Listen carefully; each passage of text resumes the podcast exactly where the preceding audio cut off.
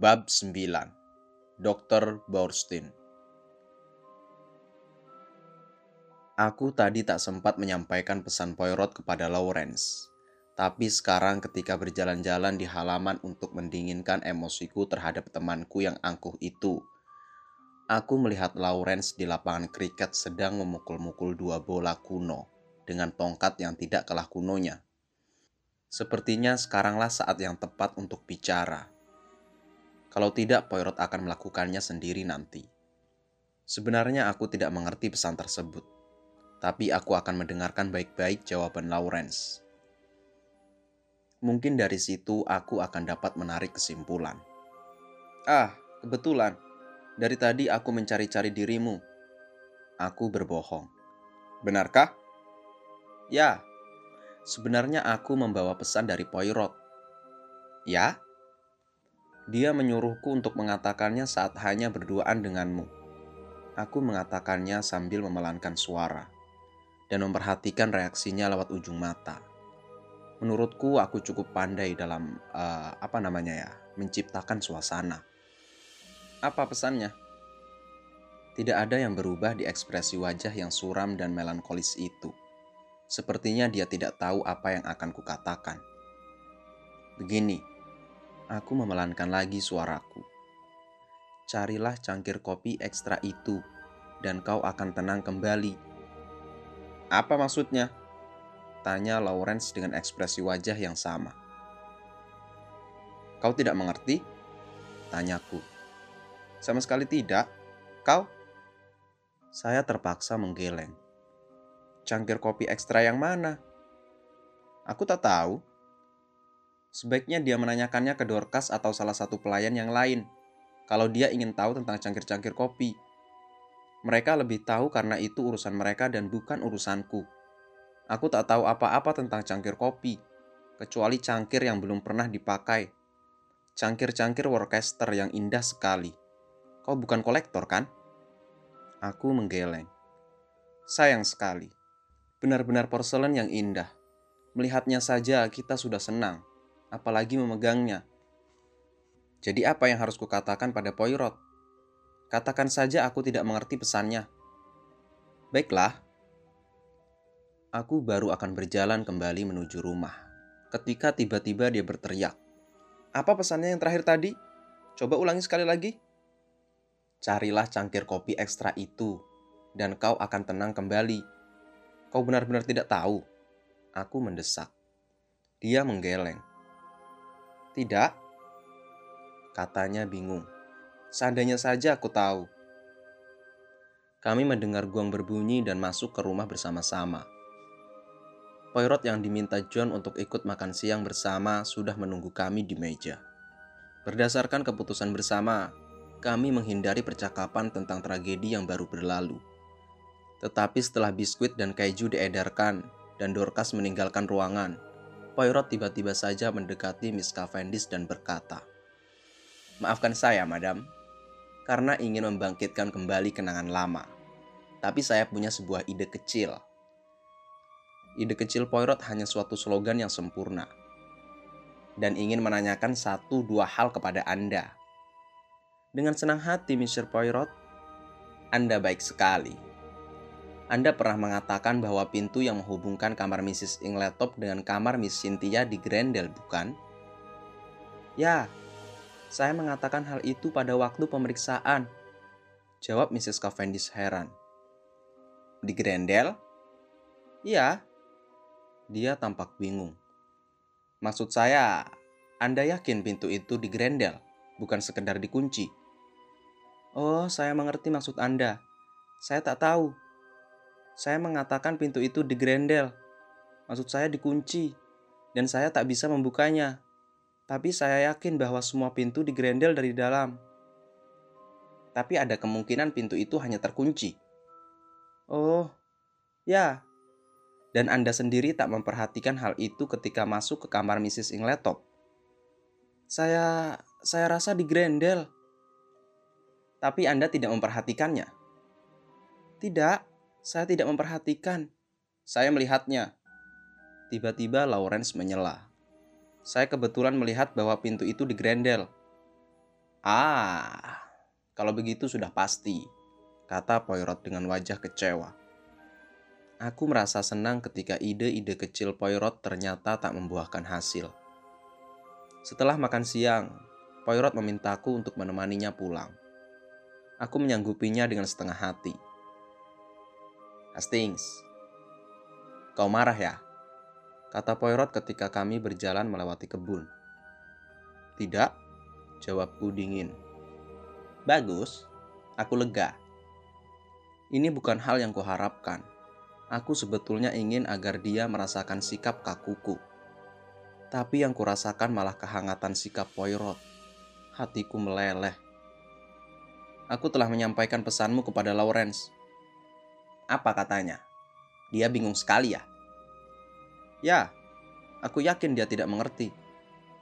Aku mengira Poirot akan kecewa tapi ternyata dia mengatakan bahwa dia sudah menduga demikian dan dia senang. Tapi harga diriku membuatku menahan diri untuk bertanya lebih lanjut. Poirot beralih ke hal lain. Mengapa Miss Cynthia tidak makan siang hari ini? Dia di rumah sakit, melanjutkan pekerjaannya. Ah, gadis itu rajin sekali. Dan cantik. Seperti lukisan-lukisan yang pernah kulihat di Italia. Aku ingin melihat ruang obatnya. Kira-kira dia keberatan tidak ya? Aku rasa dia akan senang sekali. Tempat kecil itu cukup menarik. Apa dia selalu di situ setiap hari? Hari Rabu dia libur. Hari Sabtu dia pulang untuk makan siang. Itu saja hari liburnya. Akan ku ingat-ingat. Wanita-wanita sekarang sangat maju. Dan Miss Cynthia termasuk wanita yang cerdas. Ah, dia memang pandai. Ya, dia telah lulus ujian yang sangat ketat. Tentu, pekerjaannya juga menuntut tanggung jawab. Ada racun yang keras di ruang obatnya. Ya, dia pernah menunjukkannya kepadaku. Racun itu terkunci di dalam sebuah lemari kecil. Mereka harus hati-hati. Kunci lemari itu selalu mereka simpan sebelum pergi. Ah, tentu saja apa lemari itu dekat dengan jendela? Tidak. Di sisi lain ruangan itu. Mengapa? Poirot mengangkat bahunya. Hanya bertanya, Kau mau masuk?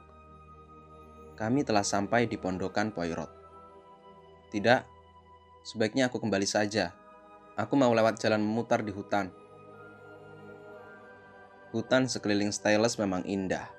Setelah melewati taman terbuka, Rasanya sungguh menyenangkan berjalan-jalan santai di hutan yang sejuk. Nyaris tak ada suara angin. Bahkan siulan burung pun hanya terdengar sayup-sayup. Aku lalu berjalan melewati jalan setapak dan akhirnya duduk di kaki sebatang pohon beach yang besar. Aku merenungi sifat manusia dan perasaanku menjadi damai. Bahkan aku dapat memaafkan Poirot. Akhirnya aku menguap aku memikirkan pembunuhan itu dan tertegun karena rasanya kejadian itu seakan tak nyata dan jauh. Aku menguap lagi. Barangkali juga, pikirku, hal itu tak pernah terjadi. Tentu itu hanya sebuah mimpi buruk. Yang sebenarnya terjadi adalah Lawrence membunuh Alfred Ingletop dengan tongkat kriket. Tapi aneh, mengapa John berteriak-teriak? Tidak, tidak bisa. Aku terbangun karena terkejut. Serta-merta aku menyadari posisiku sangat sulit. Karena kira-kira 4 meter di depanku, John dan Mary Cavendish berdiri berhadapan dan kelihatannya sedang bertengkar. Rupanya mereka tidak tahu bahwa aku ada di situ. John mengulangi kata-kata yang membuatku terbangun tadi. Mary, pokoknya tidak bisa. Aku tak setuju. Suara Mary terdengar tenang dan dingin. Apa kau punya hak untuk mencampuri tindakanku? Kita akan digunjingkan orang desa. Ibu baru saja dimakamkan, dan sekarang kau keluyuran dengan pria itu. Oh, Mary mengangkat bahu. Rupanya kau cuma memikirkan gosip di desa. Bukan itu saja. Aku sudah muak melihat pria itu mondar-mandir. Dia kan orang Polandia Yahudi. Setitik darah Yahudi malah bagus. membuat hidup lebih bergairah daripada dia memandang suaminya. Ketololan orang Inggris yang dingin. Aku melihat matanya membara dan suaranya sedingin es. Tak heran bila wajah John menjadi merah padam. Mary! Ya? Nada suara wanita itu tak berubah. Akhirnya John menjadi lemah. Jadi kau tetap akan menemui Borstein, walaupun aku sudah mengatakan tidak suka. Ya, kalau aku mau. Kau menentangku? Tidak. Tapi aku tak bisa menerima kalau kau menganggap dirimu punya hak untuk mencela perbuatanku. Memangnya kau tidak punya teman yang kubenci? John diam. Warna merah menyusut dari wajahnya. Apa maksudmu? Tanyanya dengan suara gemetar. Kau mengerti, kata Mary tenang. Kau mengerti, bukan? bahwa kau tak punya hak untuk mendikteku dalam memilih teman. John menatap Mary dengan wajah memelas. Tidak ada hak. Apakah aku tak punya hak, Mary? Mary. Tangannya terulur. Suaranya gemetar. Sesaat aku mengira Mary akan kasihan dan menyerah. Wajahnya menjadi lembut. Tapi tiba-tiba dia berpaling dan berseru. Tidak. Dia terus saja berjalan ketika John meloncat mengejarnya dan memegang lengannya. Mary, katanya dengan suara tenang. Apa kau jatuh cinta kepada Burstein? Mary ragu-ragu. Tiba-tiba ekspresi wajahnya menjadi aneh. Ada sesuatu yang membuatnya tampak muda dan abadi dalam senyumannya itu, bagai senyum patung Sphinx. Dia membebaskan lengannya dari tangan John dan pelan-pelan berkata, Barangkali. Dengan cepat dia berjalan pergi meninggalkan John yang berdiri mematung. Aku berdiri dan berjalan perlahan-lahan ke arah John dan dengan sengaja menginjak beberapa ranting kering. John memalingkan kepalanya. Untunglah dia mengira aku baru saja datang. Halo Hastings, baru pulang mengantar Poirot ya? Orang itu aneh. Benarkah dia hebat? Dia salah satu detektif yang paling hebat pada zamannya.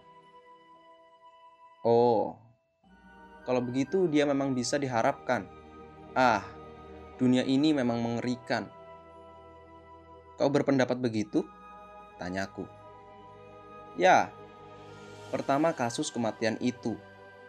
Orang-orang Scotland Yard keluar masuk rumah seenaknya.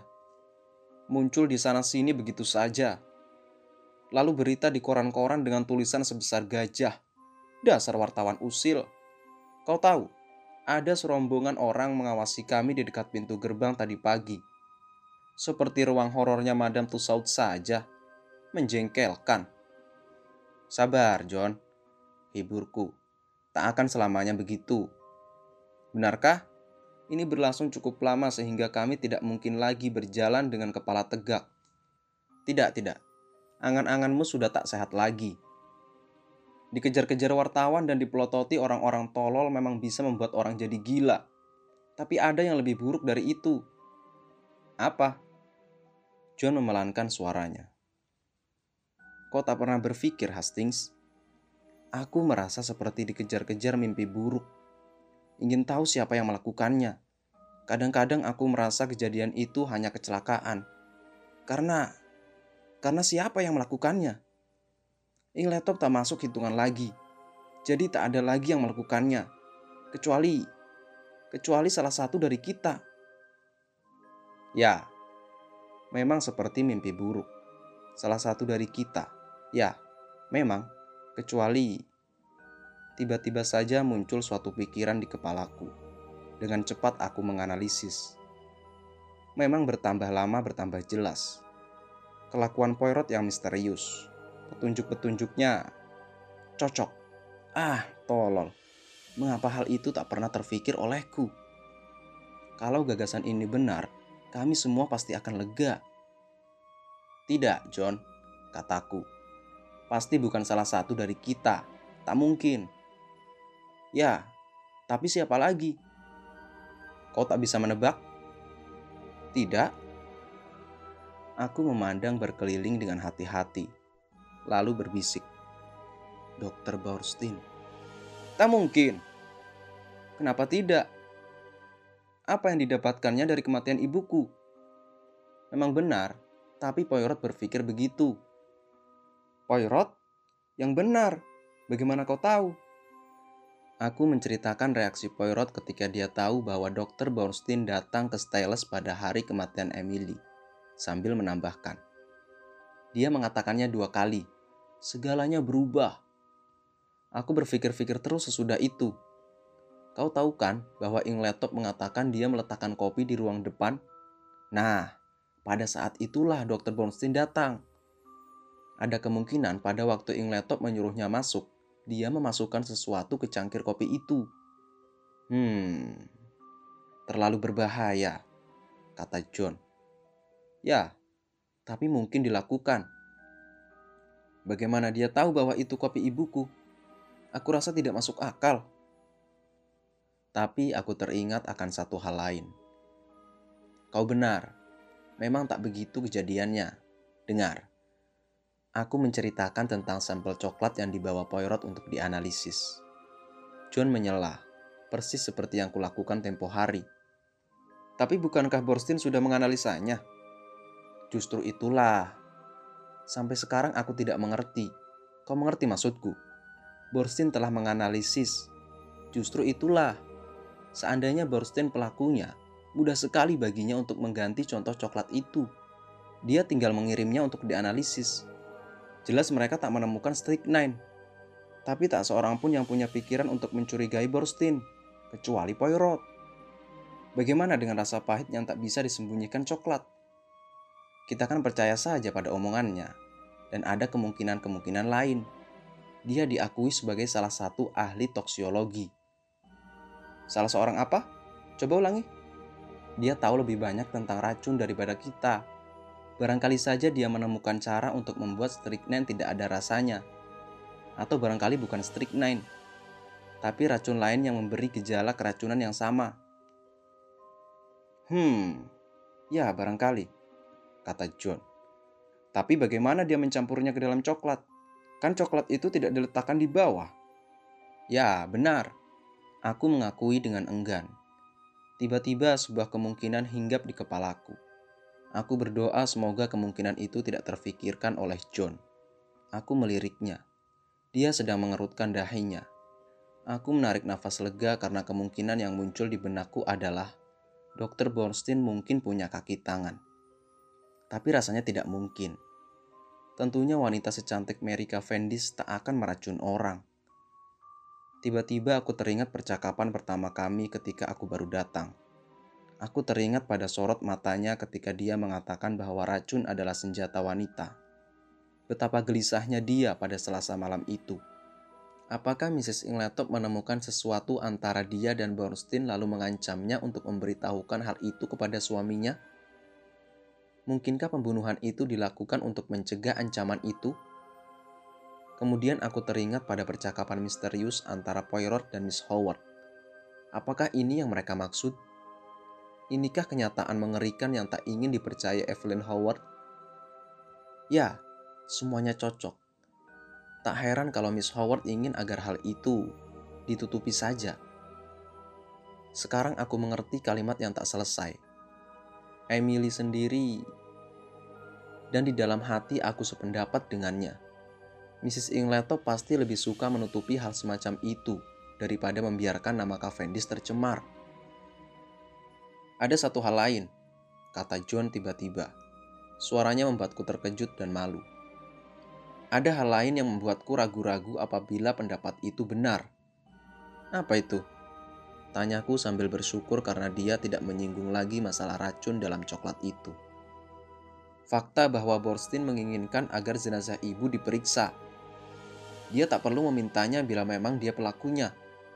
Wilkins bisa memberi alasan bahwa kematian itu disebabkan oleh serangan jantung. Ya, tapi kita tidak tahu. Aku ragu-ragu. Mungkin saja itu akan membuatnya aman dalam jangka panjang. Mungkin suatu hari nanti ada orang yang akan membicarakan hal itu, lalu yang berwajib minta agar jenazah digali kembali. akhirnya peracunan itu akan ketahuan juga, dan dia akan berada di posisi yang salah, karena tak seorang pun percaya bahwa seseorang dengan reputasi seperti dia bisa tidak mengenali gejala-gejala keracunan yang kelihatan jelas. Ya, memang mungkin, kata John. Walaupun begitu, aku tidak melihat motif yang menyebabkan dia melakukan hal itu. Aku gemetar. Well, kataku, aku belum tentu benar. Dan jangan lupa, ini di antara kita saja. Oh, tentu saja. Ya, tentu saja. Kami bercakap-cakap sambil berjalan. Akhirnya kami tiba di gerbong kecil yang menuju kebun. Kami mendengar suara orang bercakap-cakap. Rupanya teh sore hari ini dihidangkan di bawah pohon sikamor, seperti pada hari kedatanganku. Cynthia sudah datang dari rumah sakit. Aku duduk di dekatnya dan menyampaikan keinginan Poirot untuk mengunjungi ruang obatnya. Benarkah? Aku akan senang sekali. Sebaiknya dia datang pada waktu minum teh. Nanti aku bicarakan dengan dia. Aku senang sekali padanya. Tapi dia aneh. Dia membuka brosku dan memasangnya lagi di dasiku. Karena katanya letaknya miring. Aku tertawa. dia memang begitu. Kami tertawa. Kemudian kami berdiam sesaat. Sambil memandang ke arah Mary Cavendish, Cynthia berbisik. Mr. Hastings. Ya? Setelah minum teh, aku ingin bicara denganmu. Tatapannya yang ke arah Mary membuatku berpikir. Aku merasa kedua wanita ini kurang cocok. Untuk pertama kali aku berpikir tentang masa depan gadis itu. Mrs. Ingletop tidak memberi warisan apa pun untuknya. Tapi John dan Mary pasti akan memintanya untuk tinggal bersama mereka. Paling tidak sampai perang berakhir. Aku tahu John sayang padanya dan tak akan membiarkan dia pergi. John yang tadi masuk ke rumah sekarang keluar. Wajahnya yang biasanya tenang itu kelihatan menahan amarah. Dasar detektif brengsek. Aku tak tahu apa yang mereka cari. Keluar masuk kamar, ngobrak-abrik barang. Ini keterlaluan. Rupanya ketika kita tak di rumah, mereka menggunakan kesempatan itu sebaik-baiknya. Aku akan bicara dengan sejak. Semua diintip, diawasi. Gerutu Miss Howard. Lawrence berpendapat mereka harus menunjukkan mereka telah berbuat sesuatu. Mary Cavendish tak berkata apa-apa. Setelah minum, aku mengajak Cynthia berjalan-jalan. Kami menuju hutan. Nah, apa yang ingin kau katakan? Tanyaku setelah kami jauh dari mata yang menyelidik. Sambil menarik napas panjang, Cynthia menjatuhkan tubuhnya di rumput dan membuka topi. Cahaya matahari yang menembus sela-sela dedaunan membuat rambutnya berkilau laksana ombak emas. Mr. Hastings, Anda selalu baik dan tahu banyak hal. Aku baru menyadari betapa menariknya gadis itu. Lebih menarik daripada Mary yang tak pernah mengatakan hal seperti itu. Jadi, kataku ramah ketika dia menjadi ragu-ragu. Aku ingin minta nasihat, apa yang harus kulakukan? Kau lakukan? Ya, Bibi Emily selalu mengatakan bahwa aku akan mendapat bantuan.